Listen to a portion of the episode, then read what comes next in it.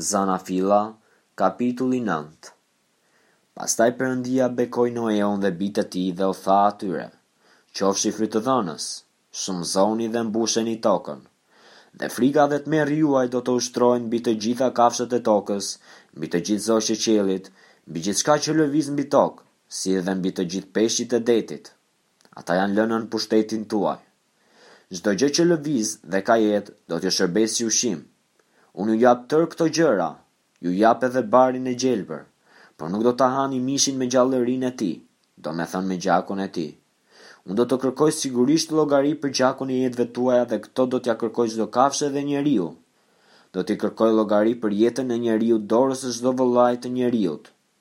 Cilido që derdh gjakun e një njeriu, gjaku i tij do të derdhet nga një njeri, sepse Perëndia e ka krijuar njeriun sipas shëmbëlltyrës së tij.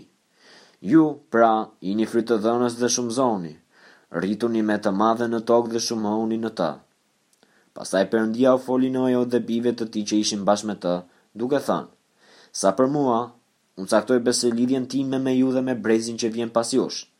Dhe me gjithë gjallesat që janë me ju.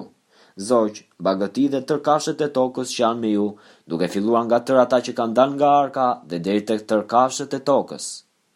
Unë e caktoj besëlidhjen time me ju. Asnjë lloj mishi nuk do të shfaroset më nga ujërat e përmbytjes dhe nuk do të ketë më përmbytje për të shkatërruar tokën.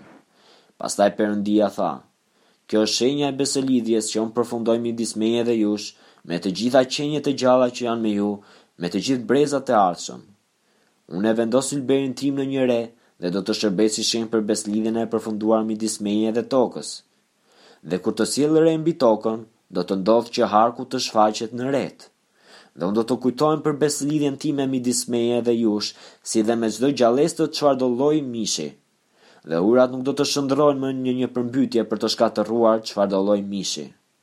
Harku, pra, do të ndodhet në retë, dhe unë do ta shikoj për të kujtuar besëlidhjen e përjetshme midis Perëndisë dhe çdo gjallese të çfarëdolloj mishi që ndodhet mbi tokë.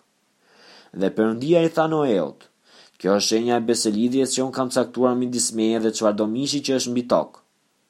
Dhe bijtë e Noeut që dolën nga arka qenë Semi, Kami dhe Jafeti. Kami është babai i Kanaanit. Këta janë tre bijtë e Noeut, dhe ata populluan tërë tokën.